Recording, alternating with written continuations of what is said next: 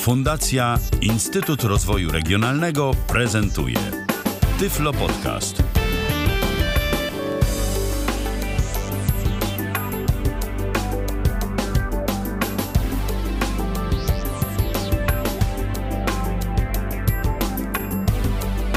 Dobry wieczór, witam w kolejnym odcinku Tyflo Podcastu. Z tej strony Alicja Witek. E, Jak zwykle bardzo się cieszę, że zechcieli Państwo spędzić e, kolejny e, czwartkowy wieczór w naszym towarzystwie. E, Dzisiaj Państwa i moim gość, moimi e, gośćmi będą Piotr Beraun i Paweł Orabczuk z Fundacji Edukacji Nowoczesnej. Witam serdecznie Piotrze. Witam. Witam Ciebie, Paweł, również. Miło mi znowu wieczór, Cię gościć w podcaście. Dobry wieczór. E, Będziemy, jak zapewne Państwo się spodziewają, rozmawiać o ofercie eduka- e, Fundacji Edukacji Nowoczesnej.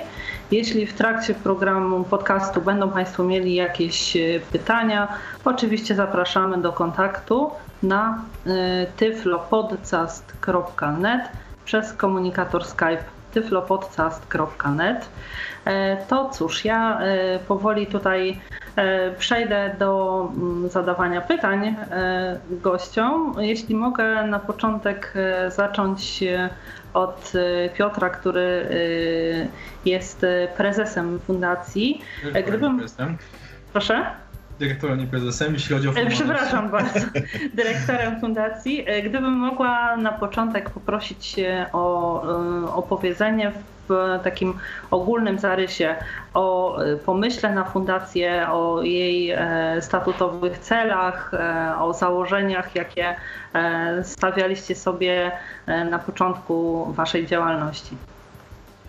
Fundacja istnieje już 4,5 roku, natomiast założenia e, odnośnie jej działalności były zupełnie inne niż obecnie jest e, realizowane, e, ponieważ e, fundacja miała wspierać, właśnie powstała po to, żeby wspierać e, osoby, które edukują innych, czyli nauczycieli, kadry pedagogiczne, e, osoby, które szkolą, które trenują. E, I takie rzeczy oczywiście robiliśmy od początku. E, Natomiast e, pamiętam, że na początku fundacji skończyłem moje drugie studia i tak sobie pomyślałem, że może byśmy spróbowali też podziałać na innych polach. E, I pamiętam, że e, może to zabrzmi trochę dziwnie, ale bardzo szybko mi za- zapaliła taka lampka, że nie chciałbym się skupiać wyłącznie na osobach niewidzących bądź niepełnosprawnych, tylko w ogóle na osobach, które potrzebują edukacji. E, I dlatego, e, jeśli miałbym przedstawiać e, taki ogólny, powiedzmy, nurt czy, czy przestrzeń, w której działa nasza fundacja, to jest, jest to po prostu udzielanie szeroko rozumianego wsparcia edukacyjnego różnym, grup, różnym grupom osób. Od oczywiście osób takich, które są, które wymagają takiej podstawowej opieki edukacyjnej, jak osoby właśnie niepełnosprawne, e, osoby bezrobotne, e, czy młodzież, która też, e, którą też wspieramy, po osoby, które zajmują się trenowaniem czy, czy realizacją różnych, różnych projektów wobec innych. Są to osoby, które mediują, są to osoby, które trenują, które są coachami, które uczą w szkołach, w różnych placówkach edukacyjnych, e, którymi też się e, czasami zajmujemy. Mm, I jeśli chodzi o sam przedmiot e, tego wsparcia edukacyjnego, jest też bardzo różnicowany. Trochę to też jest tak, o czym też trzeba wspomnieć, mm, że zależy to od, od projektów, które są w danym momencie realizowane, ponieważ część działań są to działania wyłącznie jakby nasze, bez wsparcia zewnętrznego, a część są to projekty, które są finansowane z różnych środków i niestety czasami tak bywa, że najlepsze pomysły e, muszą poczekać na finansowanie e, projektowe. Jasne, dziękuję bardzo. Czyli reasumując, i edukujący, i edukowani są w orbicie zainteresowań e, Waszej fundacji, tak? Tak jest, tak jest. E, To teraz, żeby e, dopełnić e, takich podstawowych i ogólnych najbardziej informacji dotyczących prowadzonej przez Ciebie, Piotrze, fundacji, Poproszę Pawła jeszcze, gdybyś mógł Paweł uzupełnić o informację, gdzie wasza siedziba się mieści i też myślę, że że tak powiem, w Twojej gestii będzie mm, też dobre opisanie, bo to będzie przydatne w dalszej części programu, też tego, jak osobom niewidomym najłatwiej do Was dotrzeć. E, więc generalnie fundacje. Powiem tak, my na razie nie staraliśmy się o jako taki e, lokal. Tak więc mhm. fundacja mm, e, znajduje się u nas w jednym z mieszkań przy ulicy Kochanowskiego 32 w Warszawie. E, mieszkania 60. Mhm. E, jak tam najłatwiej dotrzeć? Czyli z dworca centralnego najprościej jest tramwajem 22 w kierunku Piasków. Albo 33. Albo 33 w kierunku Piasków, tak. Jasne, czyli osoby z Warszawy będą się orientowały, gdzie powinny wysiąść i tak dalej. E, chciałam zapytać, czy też e, wasze, oczywiście w takim na razie ogólnym zarysie, e, czy wasze działania wykraczają, Pawle, też poza obszar Warszawy, czy jak najbardziej, jak najbardziej. raczej Mhm. Jak najbardziej, bo mm, projekt, który teraz realizujemy, jest projektem dla całego Mazowsza, ale także mm, współpracujemy z innymi fundacjami z, ze Śląska, z Dolnego Śląska. E, tak więc staramy się tylko y, jakby nie ograniczać do, do miasta Warszawy. Jeszcze wspomnę tylko, że tak? E, tak naprawdę obecnie biuro projektu, tego o którym chcemy mówić dzisiaj e, i też pomieszczenia do, do szkoleń w innych projektach mamy przy ulicy Konwiktorskiej 9, to jest Polski Związek Niewidomych. Tam wynajmujemy e, Myślę, że dojazd raczej jest dość mocno opisany pewnie dla osób z funkcją wzroku. E, mhm. I tam tak naprawdę przyjmujemy naszych klientów i tam zapraszamy osoby, które by chciały z naszych usług skorzystać. Jasne, rozumiem, dziękuję bardzo. To mm, może mm, przez chwilę porozmawiajmy o E, zanim przejdziemy do tego projektu, który chciałabym omówić z Wami najszerzej, dotyczącego aktywizacji zawodowej, e, na początek chciałabym porozmawiać o projektach realizowanych przez Was, projektach technologicznych jeśli mogłabym e, na początek spytać o e, kursy komputerowe. Mm, tutaj nie wiem, który z Was będzie, że tak powiem, e, miał ochotę i będzie czuł się bardziej kompetentny odnośnie odpowiedzenia na takie pytanie, kiedy te kursy się odbywają, jak długo trwa i do kogo są adresowane, jakie są poszczególne ich elementy. Technicznie myślę, że Paweł, ja mogę powiedzieć bardziej tak organizacyjnie. Jasne, to poproszę najpierw o ten organizacyjny wątek, a e, więc później... E, kursy komputerowe realizujemy e, w dwóch obszarach powiedzmy. Mm, pierwszy obszar to są projekty, które są dedykowane osobom z funkcją wzroku. Mm, takie projekty realizowaliśmy w... Ostatni projekt był w 2014 roku. To był projekt finansowany przez E, Urząd Marszałkowski Województwa Mazowieckiego. Mhm. E, oprócz tego e, drugi obszar to są szkolenia dla osób z dysfunkcją wzroku, e, takie, które realizujemy e, w ramach programu Aktywny Samorząd, ponieważ mamy,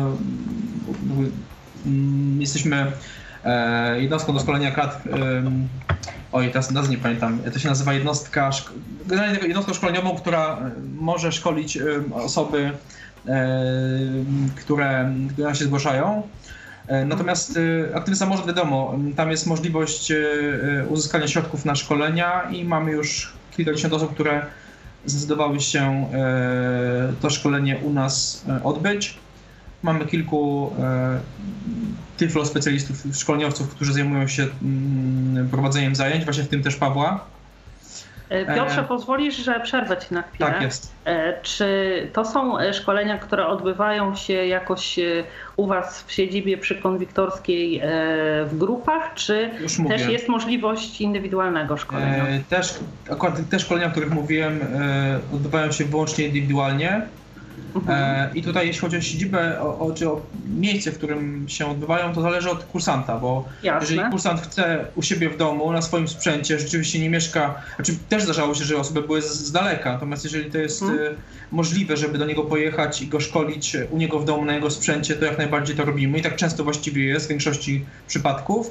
E, natomiast jeśli kursant chce e, u nas w lokalu, to też nie ma problemu. Mm, są sprzęty mm, odpowiednie i takie szkolenia też się odbywają. Rozumiem, dziękuję bardzo. E, to myślę, że w kwestii tej stricte organizacyjnej to chyba tyle, chyba że jeszcze chciałbyś coś dodać. Jeśli nie, to przejdziemy do Pawła myślę, i do że nie. Mówiłeś o, no, mówiłeś o tych projektach miasta? Tak, mówiłem o mieście, o tym, o tym samorządzie. E, znaczy, generalnie naszą specyfiką jest to, że staramy się nie robić tak naprawdę szkoleń grupowych, bo jakby mhm. Szkolenia komputerowe mają to do siebie, że e, często kursanci mają różnorakiego rodzaju potrzeby, tak? tak? Jeżeli mamy grupę i mm, zbierze się kilka osób, jedni znają komputer w stopniu powiedzmy podstawowym, zaawansowanym. Mhm. drugi zaawansowanym, więc jakby tutaj ciężko jest pracować z grupą, więc my postawiliśmy sobie tutaj taką poprzeczkę, że staramy się jak najbardziej e, robić to, iść na jakość, a nie na ilość, tak? Czyli mhm. nie jest ważna e, tak naprawdę, żeby mieć jak najwięcej tych osób przeszkolonych, tylko u nas jest najważniejsza jakość, czyli jeżeli mm, pracuję z osobą indywidualnie, to wtedy jestem w stanie dostosować plan działania do potrzeb takiej osoby, tak? E, I to nie musi być zawsze jakby... Mm, ja podam przykład, no, całkowicie inaczej się pracuje z osobą ja miałem taki przykład e, z panią, która miała 70 lat. Jasne. A całkowicie inaczej się pracuje z osobą dwudziestokilkuletnią, nie? która komputera używa od, nazwijmy to, od zawsze, a tamta pani 70-letnia komputera zaczęła używać. Więc jakby to jest całkowicie in... I teraz jedna i druga osoba mogłaby się zgłosić na to szkolenie. I teraz gdyby to było szkolenie grupowe, no to w tym momencie osoba, która zna ten komputer, no nudzi się, tak? Natomiast jeżeli mamy indywidualne szkolenia, to dla każdego jestem w stanie e, poświęcić czas i jak najbardziej e, wykorzystać ten czas efektywnie. Jasne. E, ja wiesz, Paweł, pytałam o to dlatego, że część różnego rodzaju organizacji organizuje e, szkolenia na przykład tematyczne i tutaj już zgłaszający e, się do danej grupy wiedzą, e, jaki poziom zaawansowania jest wymagany, co będzie przedmiotem tego szkolenia i tak dalej, więc wiesz tutaj co, jakby pytałam w tym co, kontekście. Ja brałem mhm. udział też kiedyś w takich szkoleniach ja tematycznych i to bardzo różnie bywa. To mhm. wszystko tak fajnie wygląda przy zgłoszeniach, natomiast jak już się zgłaszają, to Zdarzają się takie, ja to nazywam, nazywam ich obieży światy, którzy się zgłaszają na wszystkie szkolenia zawsze i wszędzie. Tak. E, no i w tym wypadku no różnie to bywa z tą znajomością i może być jedna osoba, która e, grupę powiedzmy ośmioosobową będzie ciągnąć totalnie w dół, bo będzie skupiać e, uwagę na, e, na prowadzącym i no niestety wtedy cała reszta, no przykro mi, ale, ale traci, tak. Mhm, Dlatego my tutaj postawiliśmy, na, e, postawiliśmy jakby sobie za cel szkolenia, indywidu szkolenia indywidualne. Rozumiem.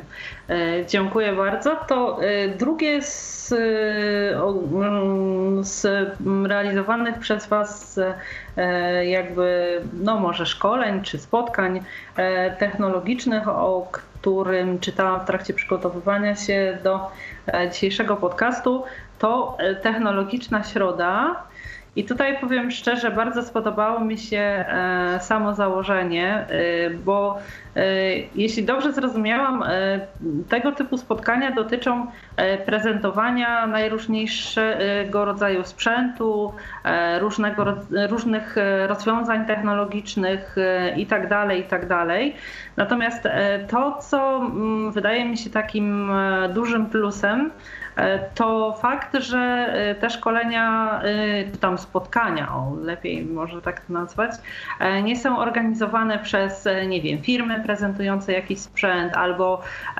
producentów oprogramowania chcących zapoznać ewentualnych klientów ze swoim produktem, tylko przez osoby będące użytkownikami, czy to konkretnego sprzętu, czy też konkretnej technologii. Jak to wygląda organizacyjnie i w szczegółach, to może już tutaj Paweł E, jeśli możesz ten wątek e, techniczny. Z, z technologicznymi środami tak?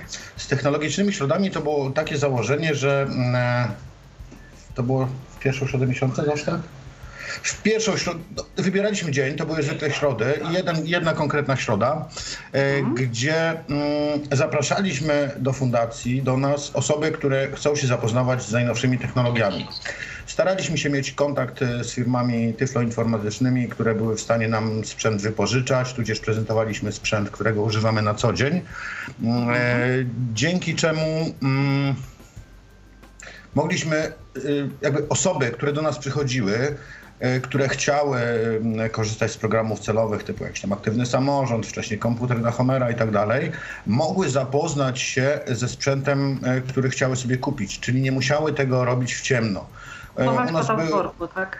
Mhm. U nas były osoby, które były w stanie pokazać możliwości, zastosowania i tak dalej, takiego, e, takiego sprzętu. E, Odzew na ten projekt był, powiedziałbym, nieduży. Mm, dlatego na pewien czas ten projekt e, nie tyle co został zawieszony, ile no, nie za dużo ludzi e, jakby miało, e, nie za dużo ludzi pojawiało się u nas, tak? Mhm, mimo, że byliśmy od, to, to było w, tak naprawdę w czasie, no nazwijmy to dnia roboczego, czyli tam od godziny powiedzmy 10 do godziny 18. Teraz wymyśliliśmy sobie, E, że projekt ten będziemy kontynuować.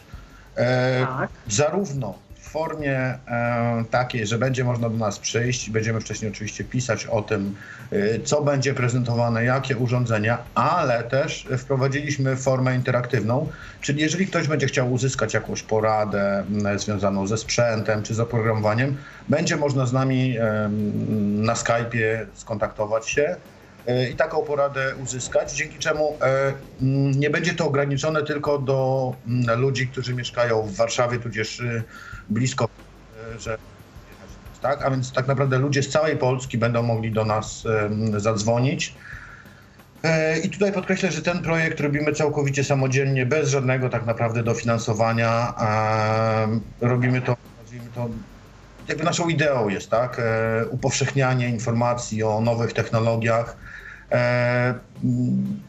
no właśnie. Tak więc to będzie miało taki charakter bardziej, właśnie bardziej informacyjno-doradczy, jeżeli chodzi o tyfloinformatykę. Jasne. E, chciałam Cię zapytać, e, Paweł, jeśli nie sposób odpowiedzieć na to pytanie teraz, to poprosiłabym, kiedy już będzie zamieszczony podcast u nas w serwisie, o taką informację gdzieś tam w komentarzach odnośnie tego możliwego kontaktu E, na Skype'ie, jaki to byłby ewentualnie dzień, jeśli na jakiś się zdecydujecie i też no po prostu jak was szukać, tak? Tak, tak jak to zostało rozpoczęte, technologiczna środa i to pozostanie bez zmian, e, będą, będą dyżury listów, gdzie albo właśnie zawsze ktoś będzie mm, e, w lokalu, że będzie można przejść, uzyskać jakąś poradę, albo będzie to można zrobić właśnie poprzez Skype'a, tudzież no generalnie poprzez Skype'a, tak. Jasne. E, to bardzo Ci dziękuję. Myślę, że w kwestii e, tych mm, projektów technologicznych to tyle. Teraz przez chwilę chciałabym porozmawiać z Tobą, Piotrze, o projektach, o z Tobą, Pawle, oczywiście też, ale zacznę od Piotra, o projektach społecznych. Jednym z takich Waszych założeń jest Hmm, no jakby to powiedzieć, realizacja, przygotowywanie, projektowanie audiobooków dla wydawców, e, tak, czy autorów, którzy chcieliby swoją twórczość e, w tej formie prezentować odbiorcom, tak? Dobrze rozumiem? Mhm. Założenie, tak jak mówisz, jest, żeby wspierać wydawców e, w zakresie adaptacji materiałów do potrzeb osób z różnymi dysfunkcjami ale też y, samo tworzenie y, audiobooków mm, na potrzeby zamawiających, ale też na potrzeby nasze, bo też nasze audiobooki też powstawały takie, które, krótkie powiedzmy formy, które, które tworzyliśmy. Jeśli chodzi o zamawiających, to takimi przykładami tutaj mogą być Pefron, który za, dla którego realizowaliśmy um, adaptację takiej e, publikacji, która kończyła ich projekt aktywizacyjny dla osób niepełnosprawnych z niepełnosprawnością sprzężoną 45+. Plus. I to były takie materiały, które musieliśmy przygotować w różnych formach, nie tylko w audiobooku, ale też właśnie w tym formacie Mobi, EPUB, DAISY, tak żeby każda z osób, które uczestniczyły w, w tym projekcie mogła się zapoznać z treścią dokumentu. E, no i też inne, które tworzyliśmy dla innych też fundacji czy, czy firm. E, mm, prowadziliśmy również e, z, tak, z takich ostatnich działań niedawno, które miały miejsce mm, warsztaty stworzenia audiobooków dla młodzieży gimnazjalnej z dwóch miejscowości na Pomorzu. Mm, Strzepcz i linia. Strzepcz i linia, tak. Bardzo ciekawe doświadczenie. E, I tutaj należy podkreślić, e, że to były warsztaty dla osób mm, pełnosprawnych. Tak to, nie były, to nie były osoby z niepełnosprawnością. Tak jest i tutaj bardzo byliśmy pozytywnie zaskoczeni, bo jechaliśmy z dużymi obawami a okazało się, że fajnie się z młodzieżą pracowało. Oni stworzyli sami tego audiobooka przy naszej pomocy, e, łącznie z okładką, e, fabułą. fabułą, ze wszystkim właściwie. O, to właśnie, to porozmawiajmy o tym przez chwilę, bo brzmi ciekawie. E, czyli to była realizacja jakiejś e, takiej opowieści, historii, którą oni e, sami przygotowywali, tak? I później na bieżąco e, sami realizowali i treść, i tą formę dźwiękową, tak? Czy na jakiej zasadzie to się odbywało? Młodzież z dwóch szkół uczestniczyła w takim projekcie e, dotyczącym bezpieczeństwa w internecie. E, mhm. I jednym z elementów projektu było właśnie stworzenie audiobooka, który miał dotyczyć historii, które no, uczą czy edukują w zakresie właśnie tej, tej, tej, bezpieczeństwa, tego bezpieczeństwa. Aha. I um, pojechaliśmy tam we trójkę, właśnie z jeszcze z jedną koleżanką, która tam też z nami współpracowała. I e, no generalnie pomagało to na tym, że z każdą grupą najpierw układaliśmy fabułę, właściwie młodzież układała fabułę do takiej krótkiej właśnie historyjki. Część ludzi, część dzieci, rysowa- młodzieży rysowała grafikę, część układała słowa, Kolejna Jeszcze część. Zajmowali się oprawą dźwiękową. oprawą dźwiękową. A kolejna część później właśnie z Pawłem, który rozstawił wszystkie, wszystkie sprzęty. E, profesjonalnie to wyglądało mocno, dla młodzieży też bardzo atrakcyjnie. E, nagrywała sama audiobooka. E, później te audiobooki my nagraliśmy na płyty. Wypaliliśmy te płyty, później też każdy z dzieciaków otrzymał taką płytkę. I na końcu właśnie płyty poszły do, do, do szkół i każdy z uczestników otrzymał swoją płytę z audiobookiem, który współtworzył. Świetne, bardzo fajny pomysł.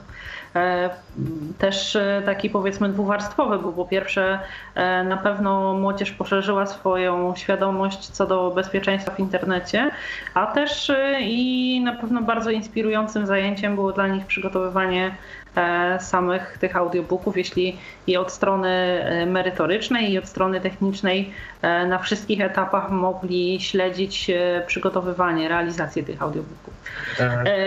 A w kontekście Waszej oferty e, kierowanej do autorów, e, do wydawców, do mm, firm czy instytucji, które e, zlecają Wam wykonanie tych audiobooków. Ja rozumiem, że tutaj obsługa jest kompleksowa, zarówno jeśli chodzi o przygotowanie materiału i do dokumentów elektronicznych, i do wydawnictw właśnie tych audio. Tutaj jakby od samego projektu przez jakiś pomysł, po e, już e, wszystkie te takie e, elementy techniczne i dopieszczenie, że tak powiem, graficzne w kontekście wszystkich tych obwolut i tak dalej, jakichś czy elementów graficznych, które mm, towarzyszą temu wydaniu tekstowemu, tak? My mamy tutaj jakby E, usługa jest całkowicie kompleksowa. Od momentu mhm. tak naprawdę, kiedy ktoś nam daje tekst, e, my jesteśmy w stanie oddać produkt finalny, czyli zapakowaną e, płytkę w pudełko, folijkę i tak dalej, ponieważ współpracujemy z tłoczniami, Mamy współpracowników, którzy zajmują się mm, oprawą graficzną, mhm. mamy współpracowników, którzy zajmują się mm, przygotowaniem e, materiału do postaci Daisy, mamy współpracowników, którzy zajmują się mm, przygotowaniem materiałów do postaci właśnie e, wydania elektronicznego, czy właśnie jakieś EPUBy, MOBI, PDFy i tak jeżeli wydajemy jakąś publikację, zawsze staramy się, żeby ona była jak najbardziej dostępna dla wszystkich e, w formacie, jakim sobie każdy wymarzy, tak? Czyli mm, tak jak ostatnio e, wydaliśmy poradnik, a to pewnie Piotr za chwilę o tym powie. E, poradnik na płycie mamy wersję PDF, mamy wersję DAISY, mamy wersję MP3, mamy wersję EPUB, mamy wersję MOBI. Czyli, Czyli ktoś dostając każdy... tą jedną płytę, wszystkie te E, wersję na niej otrzymuje. Dobrze rozumiem? Zgadza się, a poza mhm. tym e, nie każdy mm, jakby ma okazję dostać tę płytę, więc może sobie ściągnąć to od nas ze strony. Jasne, rozumiem. E, to bardzo dziękuję Pawle tutaj za garść tych informacji technicznych, całkiem dużą garść. Chciałabym zapytać to może teraz na zmianę Ciebie Piotrze o E, pozycje, które przygotowywaliście, e, którymi gdzieś tam e, możecie się już pochwalić? Zacznę od, od, tyłu czy od przodu, bo nie bardzo wiemy, właściwie to zrobić. Czy może tak, zacznę od takich rzeczy, które robi się w przyszłości. Mhm. I tam to były przede wszystkim publikacje takie też poradnicze, które, które ktoś już stworzył. Mówię tu o Pefronie, mówię o taka Fundacja Edukacji Europejskiej. Nie pamiętam w życiu tytułów tych publikacji, bo one były bardzo skomplikowane, bo to były nazwy projektów tych unijnych, więc naprawdę tak? tam było te numerki, cyferki, jakieś tam y, działania, poddziałania. Nie chcę tego y, o, tym, o tym mówić, bo nawet Mylić. nie chcę mhm. zapamiętać tego. To na stronie naszej też jest i, i może sobie to sprawdzić. E, natomiast takim teraz obecnie najbardziej takim sztandarowym produktem naszym jest poradnik, e, który wydaliśmy w sumie e, niedawno, parę miesięcy temu, mojego współautorstwa, mojego jeszcze jednego kolegi, który z nami pracuje. E, to jest poradnik w ramach projektu, który realizowaliśmy przy wsparciu Narodowego Banku Polskiego. E, projekt nazywał się Poradnik Osoba Niepełnosprawna, poradnik dla pracowników i pracodawców. I mm, tutaj najpierw ten poradnik oczywiście powstał, e, trzeba było go napisać. E, później miały miejsce te wszystkie te prace, e, korekta, tak, korekta, łamanie, później znowu to nas, do nas wracało, znowu to pisaliśmy. No generalnie dużo było takiej pracy, żeby to wszystko dobrze dograć. Poradnik ma 100 stron, więc trochę było co robić. A następnie to poszło już w ręce właśnie Pawła, E, i kolegi też, który też właśnie tego współautora, który nagrywał, który czytał. Był lektorem. E, był lektorem, ponieważ jest takim, e, ma predyspozycje dobre do tego. A następnie materiał poszedł do do tłoczni. do tłoczni i do mm, osób, które tworzyły mm, te wszystkie wersje, które są dostępne, czyli Mobi, EPUB, Daisy. PDF, MP3 i tak, tak dalej. Jest, tak jest. E, I mm, no, poradnik został wypalony na płyty. E, został też e, umieszczony na naszej stronie. Przede wszystkim został też rozesłany do urzędów tak pośrednictwa jest. pracy. No i jakby teraz właśnie skończył projekt, było spotkanie 30 sierpnia, e, takie podsumowujące e, i jest po projekcie, znaczy po projekcie, jest finał jest z projektu i bardzo się cieszymy, bo to był taki... Jako ciekawostkę na przykład powiem, że e, w, zgłosiła się do, zgłosił się do nas Urząd Pracy w Gliwicach, tak? Hmm? W Gliwicach, że e, poradnik bardzo im się spodobał, czy możemy udostępnić im 300 egzemplarzy na płytach, tak jak to wydaliśmy, bo spodobało im się wydanie, spodobało im się jakby szata graficzna, treść i tak dalej, i tak dalej, więc jakby o tyle jest, o tyle jest fajnie, że, no, że ludzie mają na to zapotrzebowanie. Aha, y, to rzeczywiście y, świadczy o tym, że macie się czym pochwalić, jeśli y, tutaj był odzew ze strony odbiorców i to tak pozytywny, że rzeczywiście mm, ktoś docenił Wasz wkład i zaangażowanie i też jakby znalazł od razu zastosowanie do tego, bo jest tak, że nierzadko są przygotowywane E, jakieś publikacje, są przygotowywane jakieś projekty, e, w ramach których powstają e, publikacje. One są nawet ciekawe i one są, na pewno nie można ich autorom odmówić właśnie zaangażowania, natomiast no, nierzadko zdarza się tak, że jednak gdzieś tam, kiedy trafiają do odbiorców, może nie to, że nie spełniają ich oczekiwań, ale nie spotykają się z jakimś takim bardzo entuzjastycznym odbiorem. Narodowy Bank Polski bardziej, bardzo właśnie uwagę zwracał na to, żeby dobrze zaplanować um, dostarczanie e, poradnika w różnych mhm. formach. Poprzez, wysłaliśmy też oczywiście e, maile do przedsiębiorców. Taką bazę mailingową kupiliśmy w ramach projektu i też to poszło do, do wielu, no teoretycznie, teoretycznie oczywiście do paru set tysięcy przedsiębiorców. W praktyce wiemy, że tak nie wygląda, bo mm, są to często bazy, które nie zawsze mają aktualne e, te adresy. E, mhm. Wysłaliśmy, e, każdy powiatowy urząd pracy dostał też jedną płytę od nas. No i też dystrybuujemy te płyty wśród naszych beneficjentów, naszych projektów oraz wśród zaprzyjaźnionych fundacji czy stowarzyszeń, które też mamy w Warszawie i Staramy się, żeby jak najwięcej osób tą płytę otrzymało. No i oczywiście e, ogłaszamy też się w internecie, żeby też e, chętni do naszej strony sobie zaglądali i ściągali dowolną formę. Poradnika. Dobrze, Piotrze, to porozmawiajmy przez chwilę o tej publikacji, e, może bardziej od strony merytorycznej, bo tutaj tą jakby mm, te kwestie wykonawcze, edytorskie już tak z grubsza opisaliście. Chciałabym zapytać, może w kontekście, nie wiem, podzielenia na konkretne rozdziały albo w jakichś kwestiach takich e, e, bardziej e, tematycznych.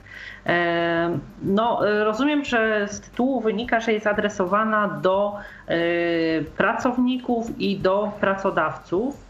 E, chciałabym Cię spytać o to, mm, jakiego rodzaju informacje e, znajdzie w tej publikacji pracodawca, jakie znajdzie pracownik, e, czy to są informacje na przykład związane z uwarunkowaniami prawnymi w kontekście zatrudniania osób niepełnosprawnych.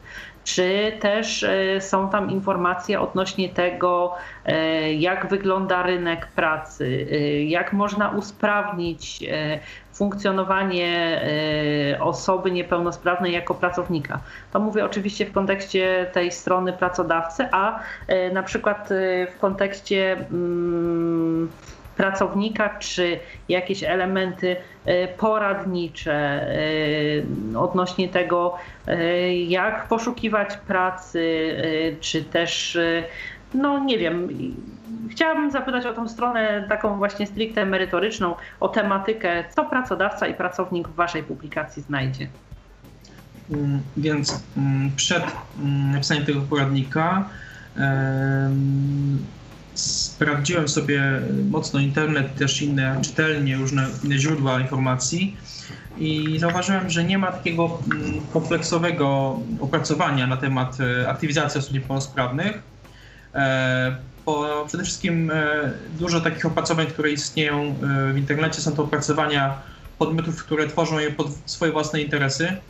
Mhm. Różne organizacje, jakichś tam osób tam niepełnosprawnych, e, znaczy pracodawców i tak dalej, mhm. gdzie generalnie jest to wszystko opisane w bardzo jednostronny często sposób.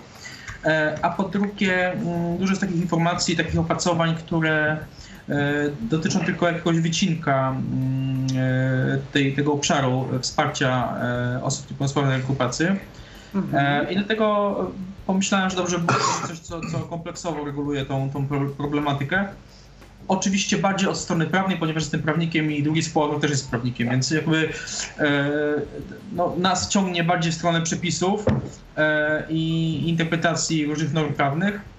Mhm. Niemniej poradnik, ponieważ ma 17 rozdziałów, to może nie będę tych rozdziałów wymieniał, bo nie ma to sensu. Tak, tak, mi chodziło o taki ogólny Jasne. zarys tematyczny. Przede wszystkim wyodrębniliśmy trzy grupy odbiorców poradnika.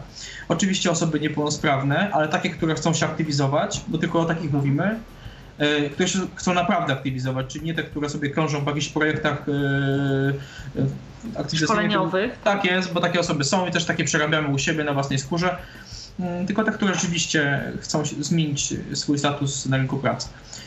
Druga grupa są to osoby, mm, które obecnie bądź potencjalnie zatrudniają osoby niepełnosprawne. Takich osób jest mnóstwo, są to zarówno małe, jak i duże firmy. i tak? y, już jestem z powrotem, y, które już tu jesteś które często mają takie błędne troszkę pojęcia na temat specyfiki w ogóle pracy osób niepełnosprawnych i które często z mojego doświadczenia też wiem, że jak się dobrze przekona i dobrze im to, to wyłuszczy te wszystkie informacje, to są dużo bardziej chętne, żeby osoby niepełnosprawne zatrudnić. E, I trzecia grupa, bardzo ważna grupa, są to osoby, które w różny sposób wspierają osoby niepełnosprawne, czyli osoby, które pracują w różnych e, podmiotach, e, wspierających, ale też osoby, które mają sąsiadów, znajomych, rodzinę i inne osoby, które są z niepełnosprawnością. E, dzięki czemu, mm, czy może nie dzięki czemu, może bardziej e, są to osoby, które e, jeśli dostarczymy odpowiednie informacje na ten temat, mogą dużo pomóc w mhm. swoich środowiskach lokalnych, e, w swojej pracy, w swoim otoczeniu. E, I to są właśnie trzy grupy, które mm, tutaj wyodrębniliśmy w tym poradniku. E, poradnik e, oczywiście troszkę też od tej strony takiej bardziej społecznej opisuje podstawowe takie zagadnienia rynku pracy, głównie motywując osoby niepełnosprawne do tego, że warto jednak spróbować, bo rzeczywiście liczba osób na, na otwartym rynku pracy z niepełnosprawnością pracowników rośnie tym samym zmniejszając też liczbę y, niepełnosprawnych osób na rynku pracy, które są w, poza otwartym rynkiem pracy. E, oczywiście są zwolennicy, przeciwnicy tego i tutaj nie, nie będę dyskutował, bo to nie ma sensu. E, natomiast pierwsze rozdziały właśnie dotyczą takich właśnie informacji. E, następnie skupiliśmy się na przedstawieniu głównie od tej prawnej strony mm, właśnie e, aktywizacji osób niepełnosprawnych. E, mamy informacje zarówno dla tych, którzy się edukują dopiero, czy są w szkole, jakie są możliwości e, wsparcia, również odnośnie aktywizacji zawodowej, doradztwa zawodowego, które u nas dopiero zaczyna funkcjonować ale też odnośnie takich podstawowych zagadnień, o których często ludzie nie wiedzą niepełnosprawni, czyli właśnie tych programów, e, gdzie można sobie dofinansować komputer, czy powiedzmy jakieś tam studia, czy, czy inne formy kształcenia. E, następnie, e, następne rozdziały dotyczą już stricte wspierania zatrudniania osób niepełnosprawnych. Wyjaśniamy te wszystkie podstawowe kwestie Pefronu. E, wyjaśniamy mm, te wszystkie podstawowe zagadnienia, które dotyczą e, e, wsparcia dla przedsiębiorców z niepełnosprawnością, bo też są spore możliwości, zarówno jeśli chodzi o ulgi składek na ZUS, jak i też jeśli chodzi o możliwość kredytu bądź jeszcze póki co jeszcze to funkcjonuje śladowo, możliwość e, dofinansowania, właściwie no, uzyskania bezpłatnej pożyczki na mm, sprzęt, tak? rozpoczęcie swojej działalności gospodarczej. E, następnie na końcu właściwie książki, pewnie coś zapomniałem, ale to jakby no, nie mam przed sobą spisu treści. Jasno. E, na końcu też e, jest, jest taki podrozdział, czy właściwie rozdział, który opisuje przykłady osób, które są niepełnosprawne, które pracują, różne przykłady róż, z różnymi niepełnosprawnościami, żeby taki pracodawca też mógł wiedzieć e, w jaki sposób, e, co, co, co może jakby zyskać, w cudzysłowie oczywiście, zatrudniając osobę niepełnosprawną, nie tylko finansowo, ale też społecznie. Mówię tu oczywiście o, o, o, o wizerunku, o, o tym, że osoby niepełnosprawne często są bardzo dobrymi pracownikami, ponieważ są mniej, odporne, mniej podatne na, na zmiany i nie zostają często tego pracodawcy w połowie sezonu, na przykład, nie wiem, gdzieś tam na wakacjach pracując. Oczywiście nie masz na myśli tego, że choćby nie wiem, co się działo w pracy, to osoba niepełnosprawna, ponieważ trudniej jest jej zmienić pracę, to w tej pracy zostanie. E, nie, natomiast mam na myśli to, że często osoby sprawne e, wystarczy, że im się zaproponuje 50 zł więcej miesięcznie i są w stanie odejść z dnia na dzień osoba niepełnosprawna niekoniecznie, ponieważ ceni sobie też często e, stałość. Może już miejsce zna i zna tak jest, miejsce zna pracowników, e, mhm. wie, że też mm, to, że pracuje jakiś czas w jakimś podmiocie, to też istnieje jej korzyść. I, I też czasami jest, bywa też tak, że są te osoby wdzięczne za to, że, że ktoś ich zauważył, ktoś ich udzielił wsparcia i, i zatrudnił. I to czasami rzeczywiście, no taki przykład, dokład troszkę może spoza, spoza e, e, tutaj obszaru osób z dysfunkcją wzroku, tak. ale mówi się, mówi się, że na przykład osoby z deficytami intelektualnymi są dobrymi pracownikami w niektórych miejscach, np. w hotelach, przykład, osobie sprawnej intelektualnie, jak się powie, że ma pościelić 100 łóżek, to ona będzie kombinowała, żeby tak zrobić, żeby się nie narobić, a żeby te łóżka były pościelone i często ten skutek jest marny. Osoba upośledzona, e, czy z upośledzeniem, jak to teraz modnie mówi, się mówi, e, nie kombinuje, po prostu ona idzie i te łóżka ścieli. I robi swoją pracę w taki sposób ją wykonuje, że jest efekt i pracodawca jest zadowolony. Po prostu. Rozumiem. E, a chciałam zapytać się jeszcze o taką kwestię, bo mm, wspominałeś, że e, również urzędy pracy e, mm, otrzymały te wasze wydawnictwo, tak publikacje. Chciałam zapytać, czy na przykład trafiły do Was jakieś pytania z Urzędu Pracy w związku z tą publikacją, na przykład odnośnie tego, jak powinni prowadzić poradnictwo, zasady. Oczywiście wiemy o tym, że no, ja nie wiem, czy ktokolwiek z osób niepełnosprawnych zna kogoś, e, kto trafił na jakąś ofertę dla siebie w urzędzie pracy, ale z zasady e, te urzędy też są do, jakby powołane do tego, żeby tych, te oferty jednak od pracodawców dla osób niepełnosprawnych pozyskiwać. Tak czy zdarzały się Wam jakieś pytania od, kierowane z urzędów pracy odnośnie tego, jak prowadzić poradnictwo, jeśli zgłaszają się osoby niepełnosprawne, albo właśnie jak jak Urząd Pracy na przykład sam powinien e, no jakby prowadzić e, swoje jakieś tam kontakty czy negocjacje z pracodawcami, e, żeby jednak próbować no mniej lub bardziej efektywnie, ale jednak no żeby przynajmniej próbować jakiekolwiek oferty również zdobywać dla osób niepełnosprawnych, które zgłaszają się w poszukiwaniu pracy, tak? E, urzędy pracy mają bardzo wyrywkową wiedzę na temat e, aktywizacji osób, osób niepełnosprawnych, to wiemy. E, I to się też przejawiało właśnie w telefonach do nas, które do dzisiaj jeszcze mamy, mhm. kontakty. Generalnie te instytucje pytają nas o szkolenie takie stacjonarne z tego obszaru. Znaczy chcą, żeby po prostu do nich ktoś przyjechał, usiadł z nimi, porozmawiał i wytłumaczył im i, i jakby udzielił wsparcia takiego właśnie edukacyjnego e, z tego zakresu i pewnie będziemy e, starali się e, takie działania podejmować. Zwłaszcza, że większość tych mm, urzędów pracy, które do nas dzwonią, są to urzędy bardzo oddalone od Warszawy. Mhm. No nie oszukujmy się, że większym miastom jest łatwiej, mniejszym trudniej. I rzeczywiście, bo też wysyłając ankiety, wysyłając poradnik, prosiliśmy o wypełnienie ankiet. Najpierw były to ankiety wstępne, przed jeszcze wysyłaniem naszych poradników. I również później wysłaliśmy już z poradnikiem razem ankiety, które, o, które prosili, o, o których wypełnienie prosiliśmy pracowników urzędów pracy.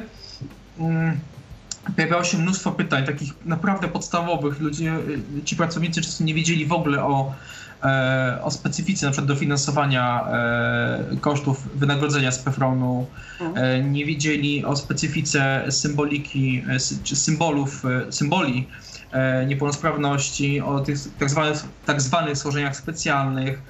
E, takie podstawowe informacje często były dla nich e, mocno zawiłe. Oczywiście staram się tłumaczyć przez telefon, jak ktoś dzwonił do nas, ja czy, czy inne osoby z fundacji. Niemniej myślę, że takie szkolenia w terenie były bardzo potrzebne i myślę, że będziemy starać się w tą stronę iść, żeby właśnie je realizować.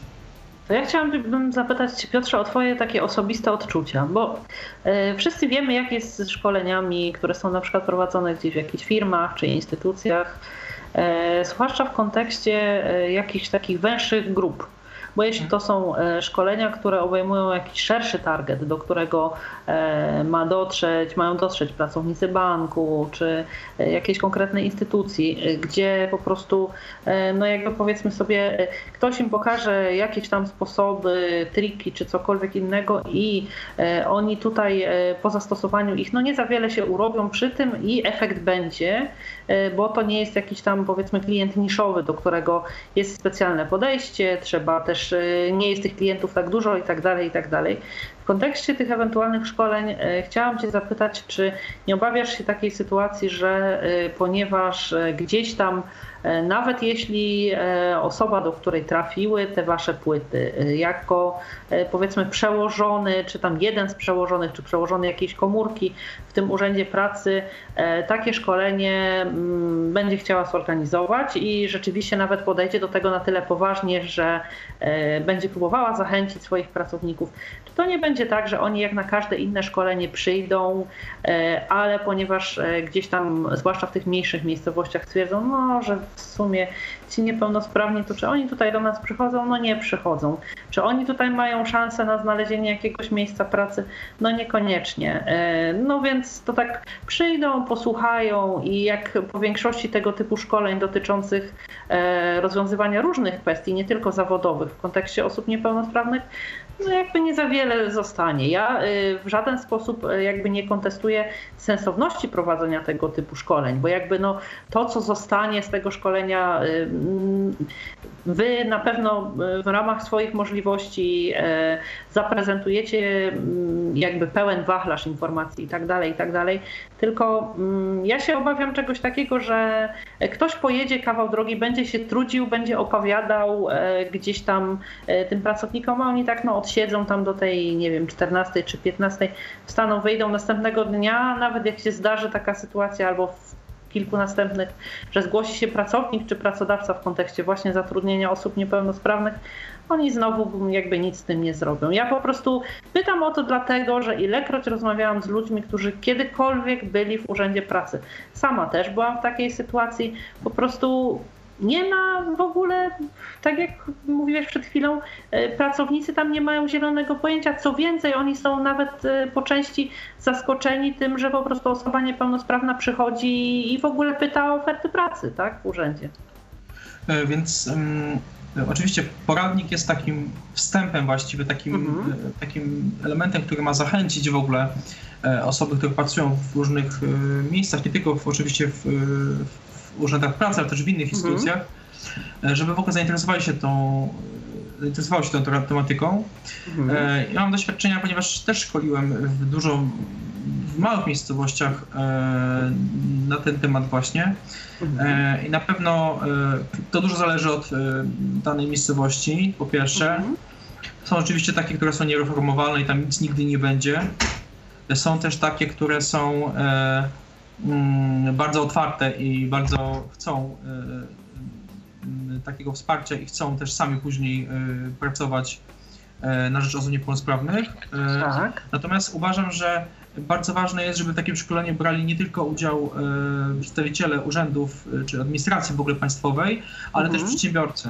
Bo wtedy Aha. moja rola jest wtedy taka jako szkoleniowca i tak też widzę, że tak, tak to, to działa, żeby oczywiście dostarczyć informacje na temat, jakie są możliwości, jakie są, yy, jaka jest oferta, powiedzmy, czy jakie jest, są formy wsparcia, mhm.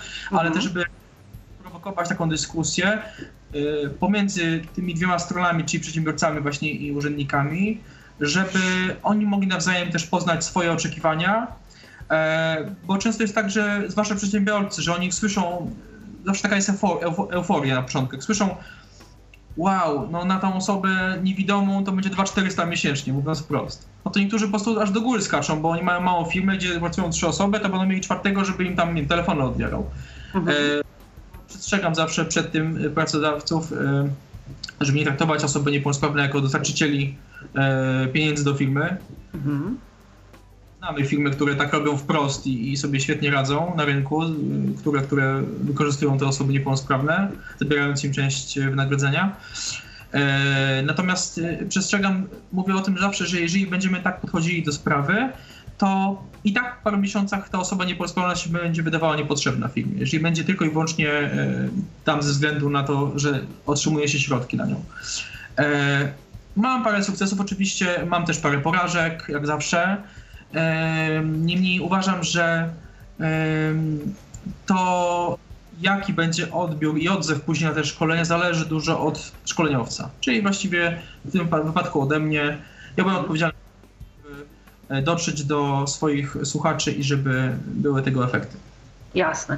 Chciałam właśnie zapytać o te osobiste odczucia i faktycznie ten e, pomysł e, jakby z zapraszaniem na, e, na te szkolenia również przedsiębiorców wydaje mi się o tyle sensowny, że jakby po pierwsze tutaj dociera się do nich bezpośrednio. Nie ma już po drodze tego urzędnika, który albo będzie chciał przedsiębiorcę wtajemniczyć, albo będzie to robił bardziej lub mniej udolnie, to raz, a dwa, że też jakby przedsiębiorca uczestnicząc w takim szkoleniu prowadzonym przez Ciebie bezpośrednio, ma możliwość skonfrontowania jakby swojego mm, podejścia, swojego jakiegoś no, zapatrywania, czy też ewentualnych obiekcji co do zatrudniania osoby niepełnosprawnej i jakby na bieżąco ma przez fachowca wszystkie kwestie wyjaśnione. Tak.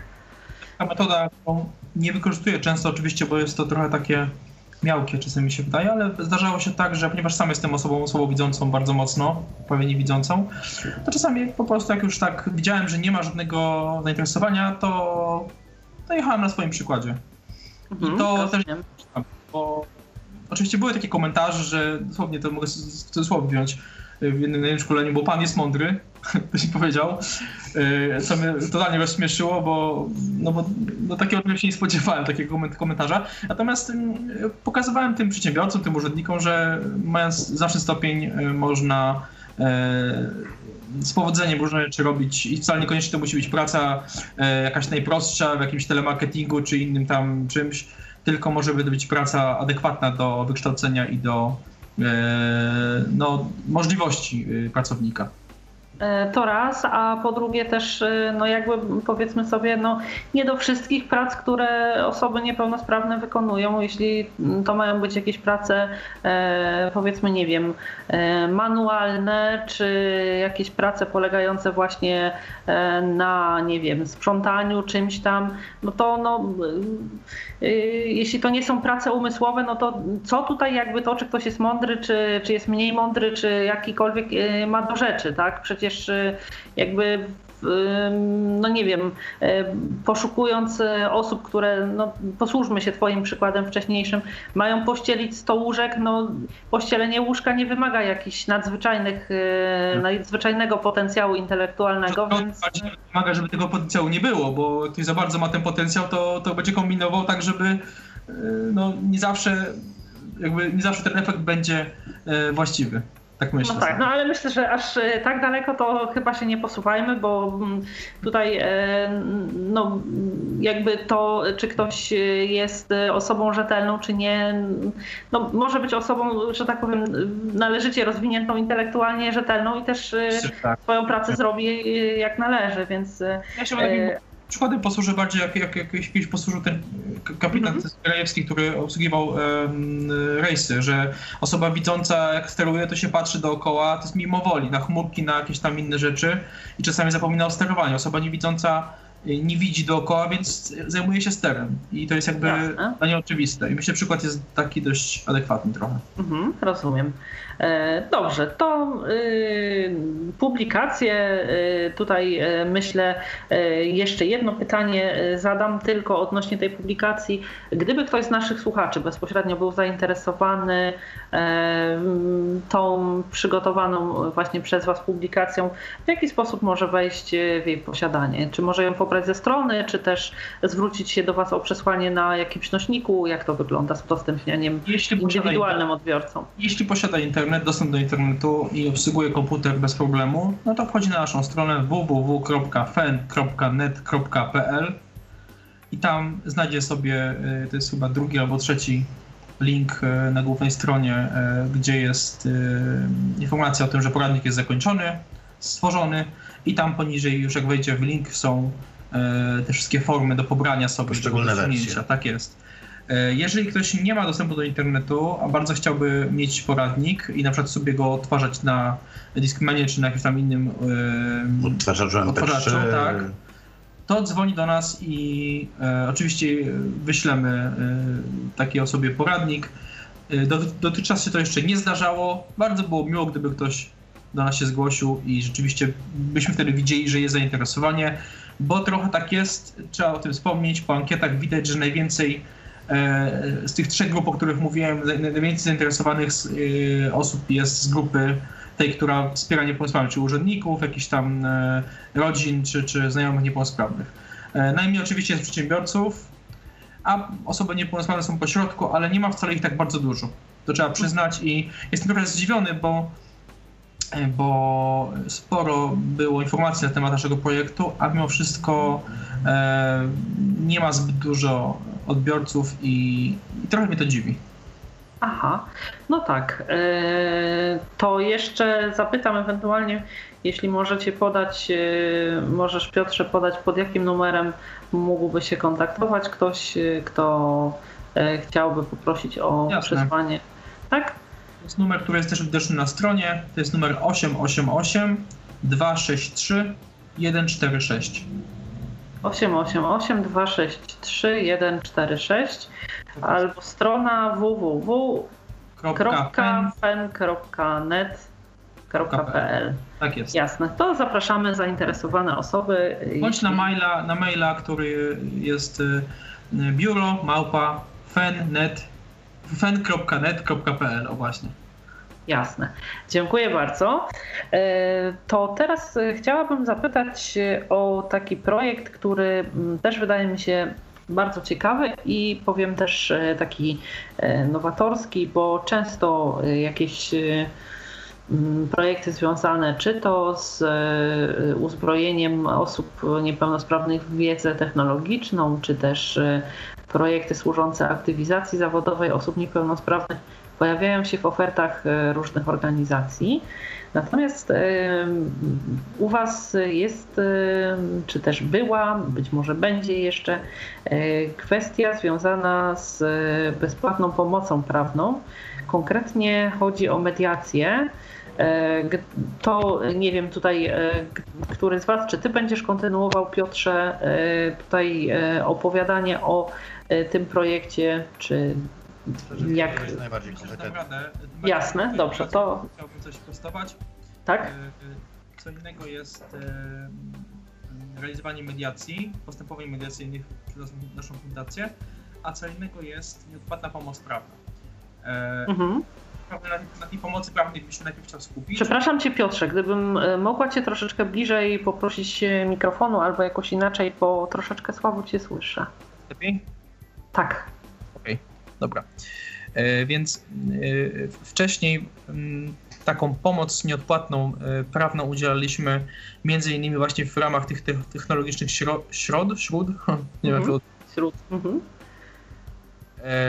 I bywały też, e, by- bywało tak, że było zainteresowanie. Natomiast od stycznia to też właśnie nawiązuje do tego, że nie, Boże się nie zamykamy na, wyłącznie na osoby niepełnosprawne. Uważam, że, e, że, że, że mm,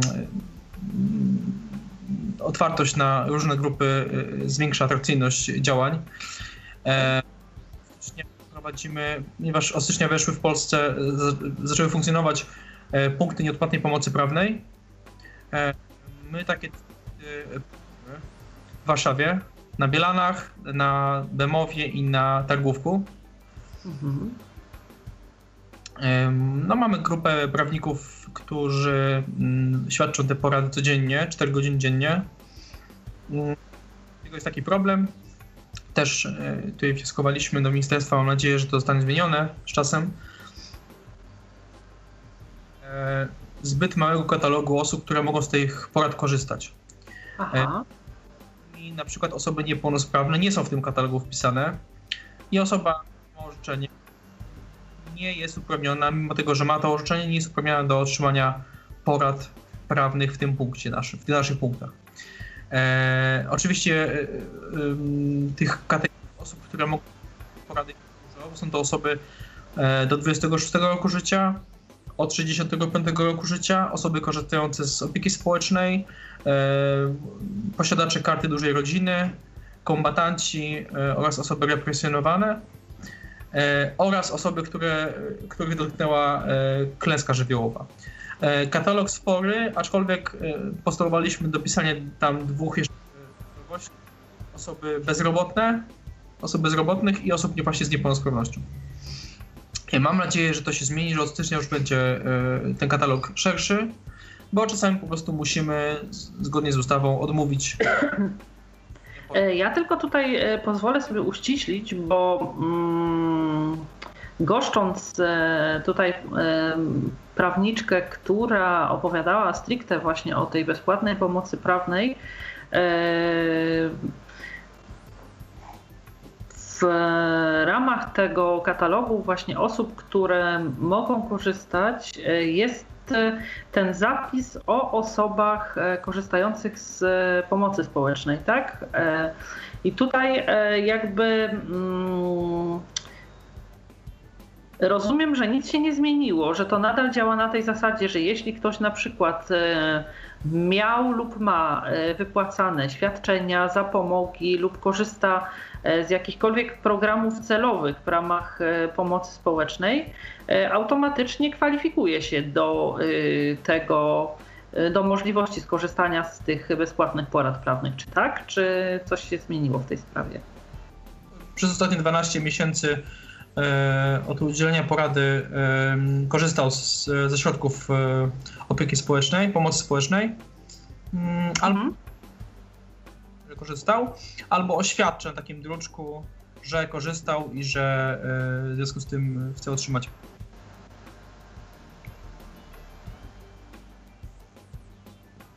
Mhm. Halo? E, tak, tak. E, czyli tutaj sprawa wygląda tak, jak mówiłyśmy też o tym wcześniej. Dobrze, to mm, punkty bezpłatnej pomocy E, prawnej. Rozumiem, że to wygląda tak jak e, w wszystkich e, tego typu punktach przed rozpoczęciem działań jakichś sądowych, procesowych można w kwestii ewentualnych porad się zgłosić do Was, czy z uwagi na to, że obsługujecie osoby niepełnosprawne również jesteście gotowi ewentualnie pomagać przy E, nie wiem, sporządzaniu e, pism albo e, jak ogólnie wygląda w takim praktycznym aspekcie, akurat w Waszych punktach pomocy prawnej, bezpłatnej praca, bo myślę, że to akurat może zainteresować też naszych słuchaczy. Punkty działają na podstawie bezpłatnej pomocy prawnej tam się jakoś inaczej nazywa, nie pamiętam teraz całej nazwy, mhm. która jednoznacznie określa, jaki rodzaj pomocy my możemy świadczyć w punktach. E, założenie jest takie, że punkty świadczą pomoc doraźną, czyli my nie wchodzimy w proces już konkretny, e, czy w jakieś postępowanie inne sądowe, mhm. Bierze udział klient, my tylko gdzie może się zgłosić, żeby ewentualnie otrzymać pomoc prawną. Oczywiście, no wiadomo, jest instytucja tak zwanej pomocy z urzędu, czyli mm, wiadomo, adwokat czy radca prawny, który, za którego się nie płaci. My wtedy możemy, wtedy nie możemy, tylko pomagamy w sporządzaniu kosztów sądowych właśnie o obrońcę pełnomocnika. Natomiast co, co, jeszcze? Oczywiście udzielałem takich porad, gdzie można, jaka instytucja jest właściwa do danego przypadku, e, jakie ma prawa, jakie ma obowiązki obywatel, który do nas przychodzi. Tak jak mówiłem wcześniej, gdzie może się zwrócić. E, I co, co ważne, mm, i tutaj to się spotyka często z takim oporem e, klientów, no my nie, my nie, nie, nie pełnimy roli pełnomocników, czyli my nie E, sporządzamy. Nie reprezentujecie, tak? E, też e, w jakichś kwestiach spornych, czy później na drodze sądowej nie macie takiej możliwości. Nawet nie, nie, też nie sporządzamy jakichś pism procesowych. Mhm. E, e, najwyżej no, pomóc powiedzmy klientowi. Jeśli klient jest na tyle e, rozgarnięty, to możemy powiedzieć, jakie może argumenty zawrzeć jeśli nie, no to wtedy właśnie tak mówię, wysyłamy albo do innych podmiotów, które świadczą pomoc, taką właśnie, albo wprost właśnie piszemy, pomagamy w sporządzeniu pisma o, e, o pełnomocnika z urzędu. Rozumiem, dziękuję bardzo. To gdybym mogła przez chwilę jeszcze poprosić Cię, żebyś e, opowiedział o projekcie dotyczącym mediacji i przejdziemy już do tych związanych z aktywizacją zawodową jest to rzecz e, e, dość zabawna, czy może nie sama instytucja, tylko bardziej na, nasze mediowanie, ponieważ my nigdy nie działaliśmy w ramach jakiegoś projektu. E, my po prostu prowadzimy, tak jak wiele innych organizacji, listę stałych mediatorów, którzy z ramienia naszej fundacji mogą, udzielają, realizują postępowania mediacyjne.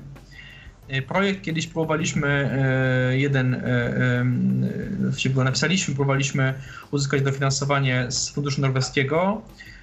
Projekt polegał na tym, że mieliśmy wspierać rodziny, w których osoby niepełnosprawne się wychowują bądź w których mieszkają.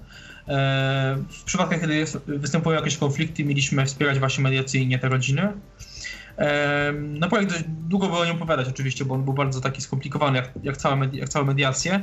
No oczywiście nie uzyskał dofinansowania, więc póki co projektów takich, takich e, stricte nie mieliśmy.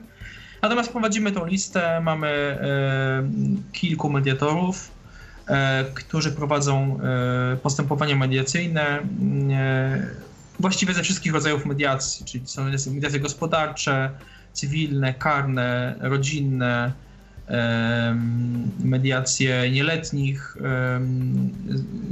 mediacje w zależności od tego, jak jest, jest, jakie jest zapotrzebowanie, e, zapotrzebowanie może być albo zgłoszone przez sądy, które kierują e, konkretnych uczestników postępowań e, sądowych na mediację, albo do rynku się zgłaszają osoby, które chcą lub potrzebują, no i potrzebują i chcą mediacji wtedy ustalamy z nich warunki, jakie, jakie są y, y, akceptowalne tak, dla obu stron i e, próbujecie doprowadzić do jakiegoś konsensusu, tak, kompromisu. Ustalamy, jak ta mediacja ma wyglądać, się informujemy o zasadach właśnie mediacji, e, których tam jest kilka, jak wiemy. E, I te osoby często też na początku bardzo chcą, później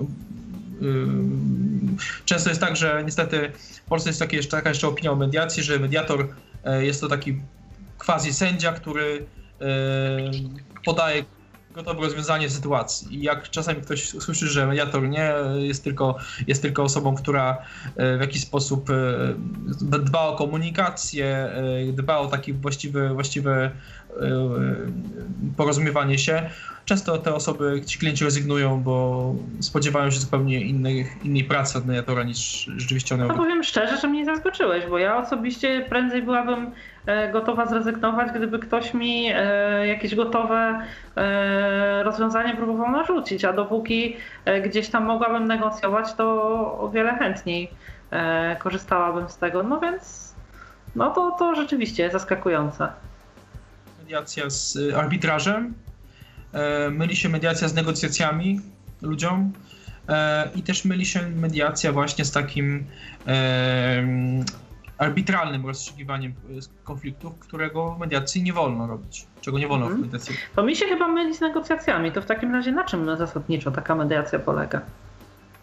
Polega na tym, że dwie strony, które są w konflikcie, między sobą dochodzą do porozumienia przy udziale mediatora, ale mediator nie jest to trzecia strona, która siedzi i mówi zrób tak czy tak, tak będzie lepiej, tak będzie gorzej, tylko jest to osoba, która dba o to, żeby te dwie strony właściwie się nawzajem rozumiały, żeby mm, właściwie się komunikowały i oczywiście też dba o to, żeby te strony e,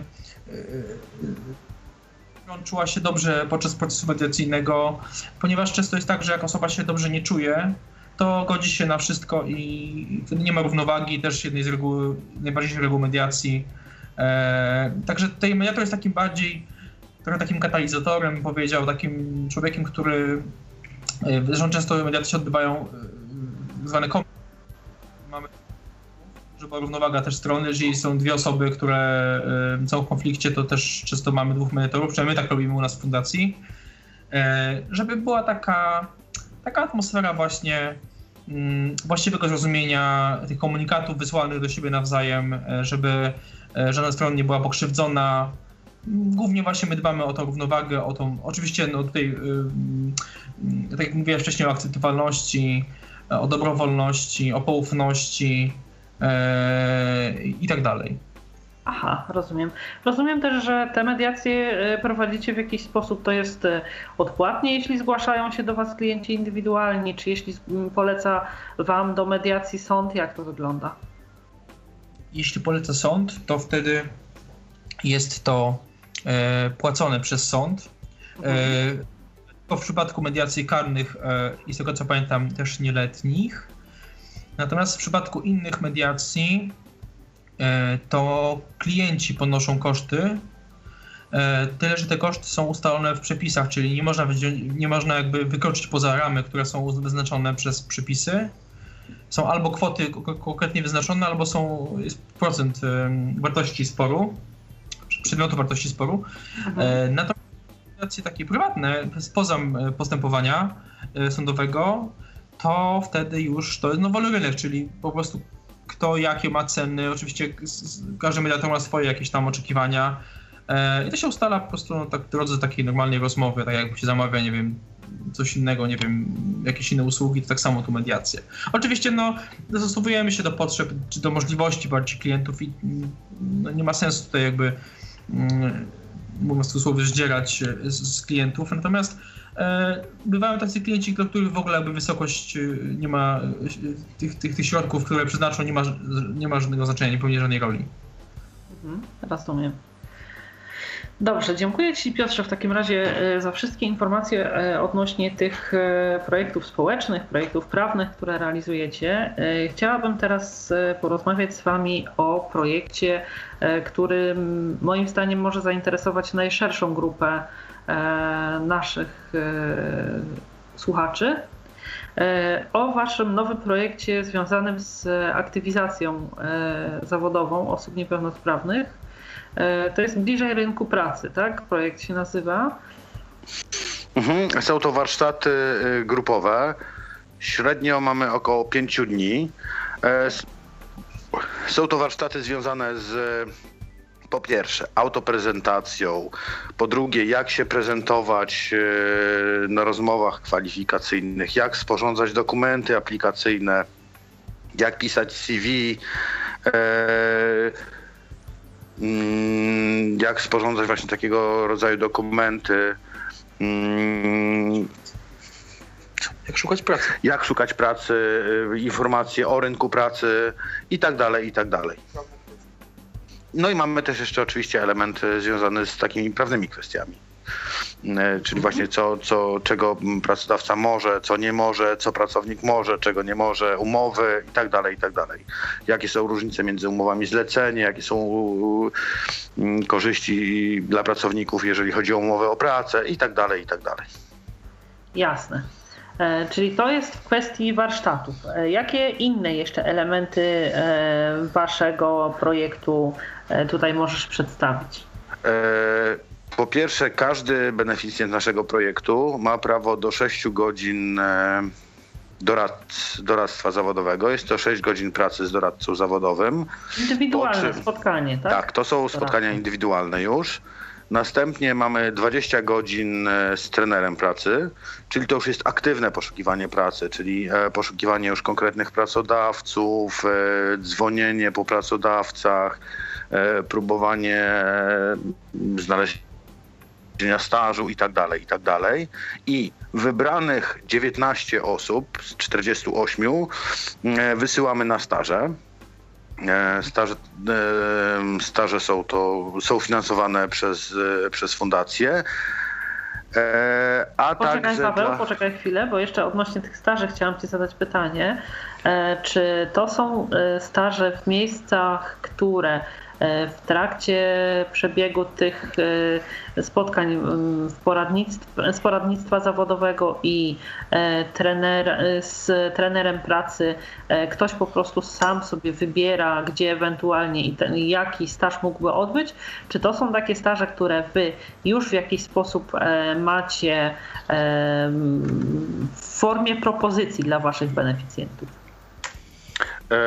My staramy się dobierać staże tak, żeby one były jak najbardziej dostosowane do, mm, do beneficjentów. E,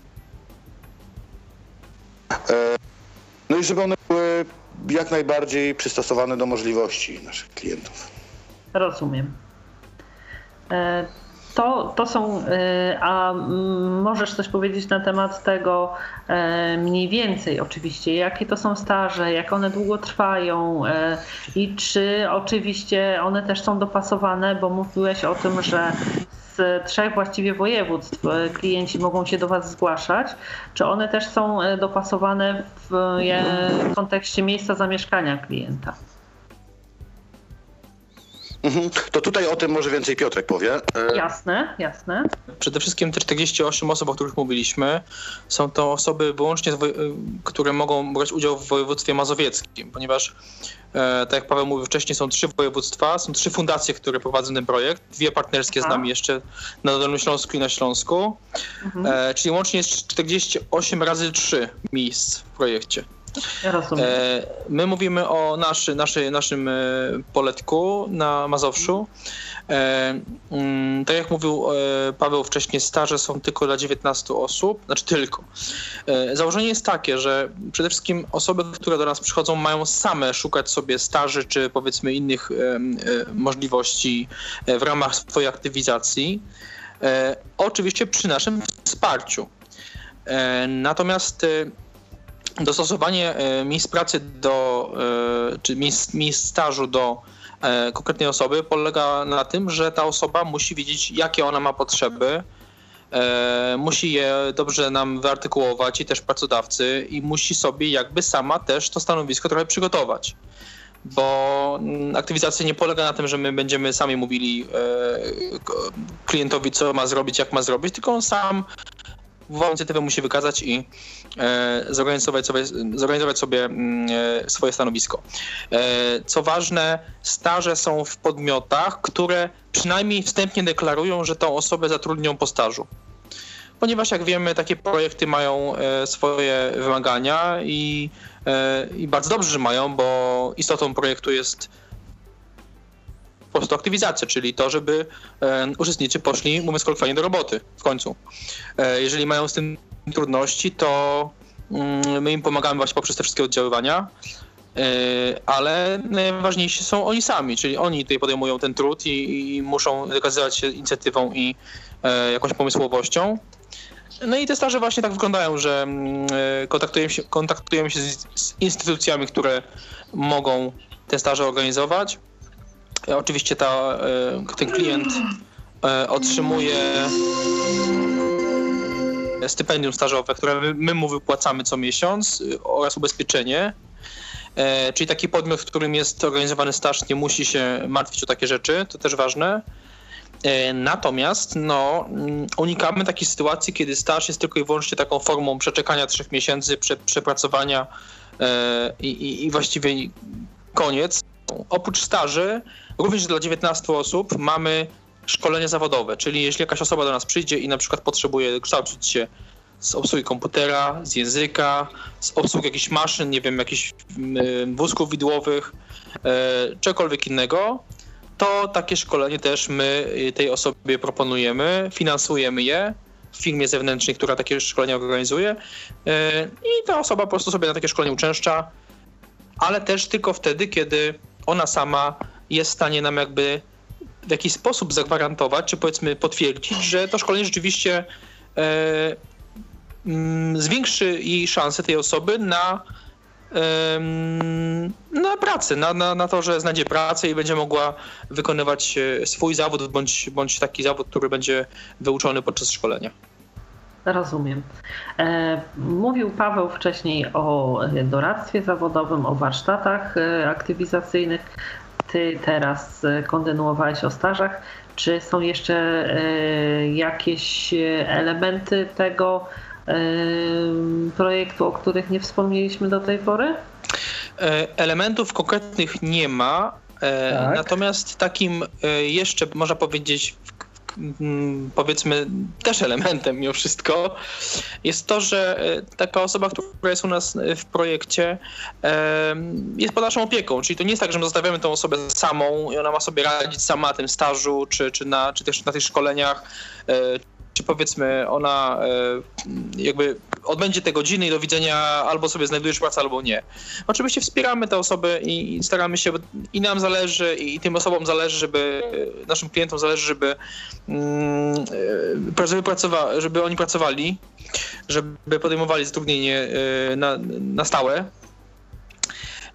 Więc tutaj mm, nawet jeżeli jeżeli już powiedzmy tych godzin nie ma określonych e, doradztwa czy, trener, czy pracy trenera pracy, to oczywiście jesteśmy w kontakcie, pozostajemy w kontakcie z naszymi klientami i też również z przedsiębiorcami czy z pracodawcami tych naszych e, klientów e, i, i staramy się monitorować też przebieg kariery zawodowej tej, tej osoby, przynajmniej w, w tym zakresie, który dotyczy naszego projektu. Jasne. Rozumiem, że jeśli e, na etapie już stażu czy już późniejszego zatrudnienia e, potrzebuje taka osoba wsparcia jakiegoś prawnego, czy też e, dodatkowego przeszkolenia, powiedzmy w zakresie jakichś programów komputerowych, może ewentualnie poprzez kontakt z Wami o takie szkolenie się wystarać, tak? Jak najbardziej. Też jakby, no mówię, jesteśmy wszyscy ludźmi i też e, normalnie jakoś podchodzimy do sprawy i, i zawsze udzielamy wsparcia E, osobę, która tego potrzebuje.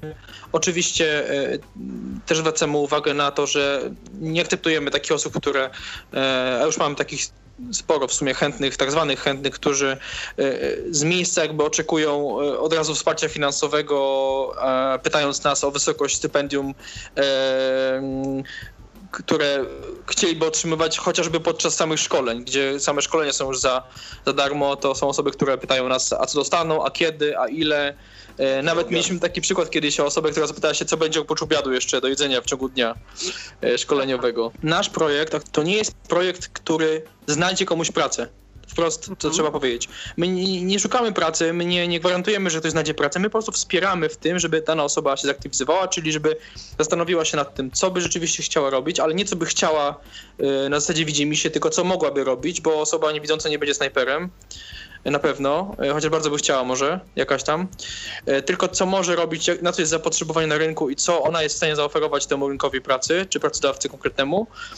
I My wspieramy ten proces e, poprzez różnego rodzaju wsparcie, formy aktywizacji, o których mówiliśmy wcześniej i to myślę, że każdy musi zapamiętać, bo mam mnóstwo telefonów od ludzi, którzy wprost z pretensjami domagają się, żeby mi, żeby mi po prostu znaleźć pracę w tu i teraz i ciężko jest wytłumaczyć, że to nie my szukamy pracy, tylko sobie klienci szukają pracy. Bo to jest też coś takiego, że e, nawet jeśli e, w trakcie tego aktualnego, realizowanego przez Was projektu e, ktoś nie znajdzie pracy takiej, która byłaby dla niego satysfakcjonująca, którą z takich czy innych powodów byłby gotów podjąć, tak? to myślę, że jakby samą istotą aktywizacji zawodowej jest też to, że mm, człowiek przy wsparciu właśnie, czy to osób zajmujących się poradnictwem zawodowym, czy też osób zajmujących się kwestiami takimi już no, stricte związanymi właśnie z zatrudnieniem, z prawem i tak dalej, e, po pierwsze będzie wiedziała, jak tej pracy szukać, po drugie dowie się, gdzie tej pracy szukać i e, ostatecznie też e, jak e, po prostu w tej pracy funkcjonować, tak? W kontekście prawnym, jakich umów nie powinna podpisywać, jakie mogą być dla niej korzystniejsze, jakie niekorzystne, na co powinna zwracać uwagę, żeby nie zostać na przykład wykorzystana przez nieuczciwego pracodawcę, bo w stosunku do osób niepełnosprawnych takie praktyki też mają miejsce, więc tutaj jakby sama aktywizacja zawodowa, jak rozumiem, leży w kontekście konkretnej osoby i jej zdolności, jej super, umiejętności, super, jej potencjału super. na rynku pracy. Tak? Dziękuję bardzo. Super, dokładnie. E... Dokładnie.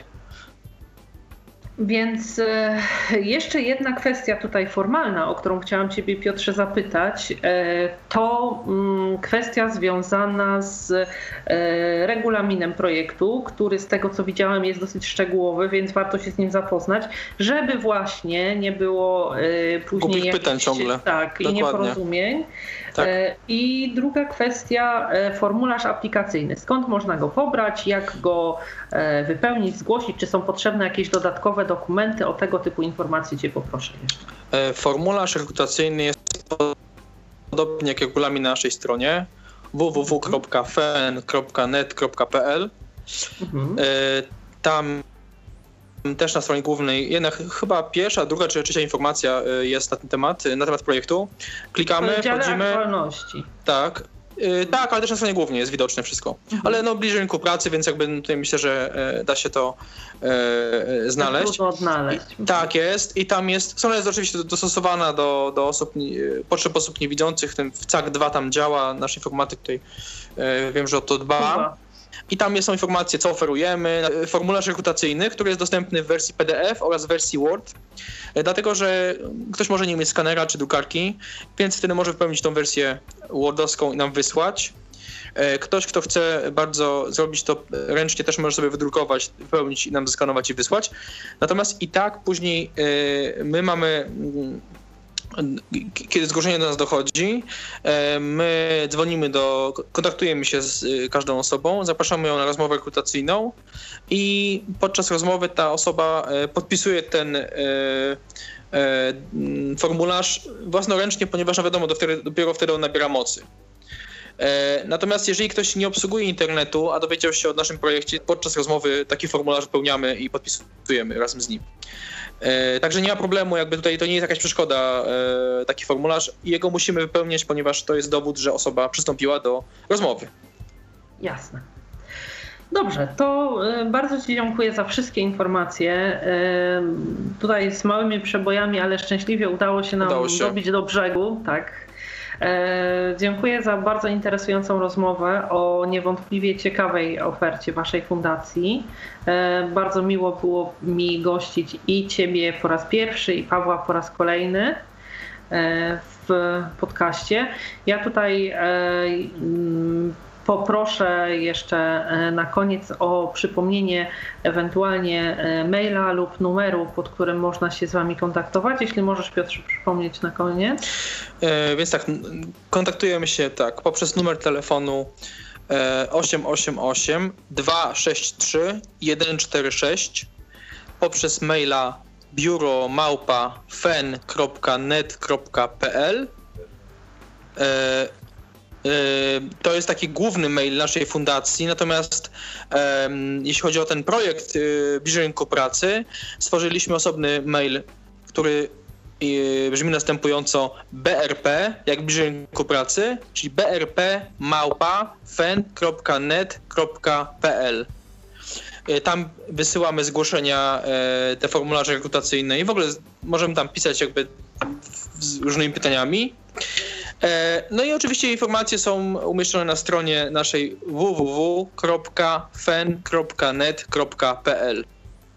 Bardzo dziękuję. Jeżeli oczywiście ktoś życzy sobie przyjść osobiście, to urzędujemy na ulicy Konwiktorskiej 9, w lokalu 14 i w lokalu 8. Z tym, że tam nie zawsze ktoś jest, bo, no bo czasami odbywają się zajęcia właśnie indywidualne w tych salach e, i jakby dobrze się umówić jest wcześniej na rozmowę z nami, jeżeli ktoś sobie życzy. Jasne. Kontakt jest telefoniczny, jest kontakt mailowy i w ramach projektu aktywizacji zawodowej bliżej rynku pracy i myślę, że w e, kwestii innych e, również projektów realizowanych przez Fundację Edukacji Nowoczesnej można się kontaktować. Bardzo Ci Piotrze dziękuję. Również bardzo dziękuję za przyjęcie naszego zaproszenia. Pawłowi oczywiście też, mimo że prawdopodobnie się nie słyszymy już w tej chwili. No, siedzi koło mnie, ale pewnie nie słyszy. tak. Y, państwu przypomnę, że y, naszymi, y, znaczy Państwa i moimi gośćmi byli dziś Piotr Braun, dyrektor Fundacji Edukacji Nowoczesnej oraz Paweł Orabczuk. I, Członek Rady Fundacji członek kadry fundacji. Rady, rady, rady. Rady, też. Tak? I rady i kadry. I rady i kadry.